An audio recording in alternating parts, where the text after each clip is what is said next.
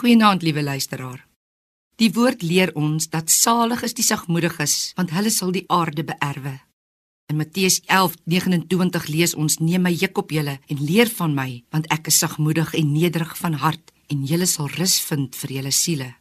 In Galasiërs 6:1 staan daar geskryf: Broeders, as iemand ewenwel deur een of ander misdaad oorval word, moet julle wat geestelik is, so een reghelp met die gees van sagmoedigheid, terwyl jy op jouself let dat jy ook nie versoek word nie.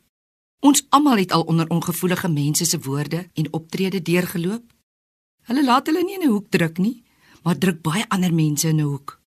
Maar Jesus weet van beter. Hy sê dat hulle aan die einde niks sal beerwe nie en dat hulle nie opgeneem word in sy verbond nie.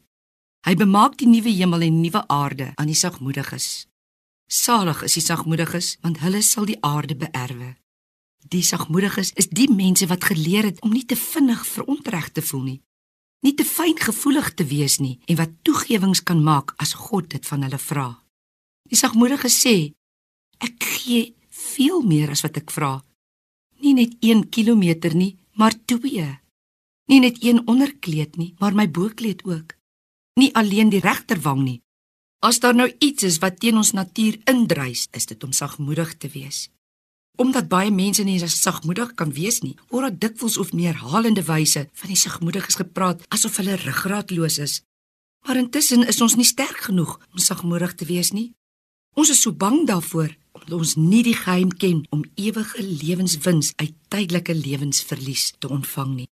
Sagmoedigheid is die vrug van die Heilige Gees. Daarom het sagmoedigheid niks met slapheid en ruggraatloosheid te doen nie, maar wel alles met selfverloning. Jesus was so sterk in sy sagmoedigheid dat hy vir sy vyande kon bid. Waar is ons sagmoedigheid?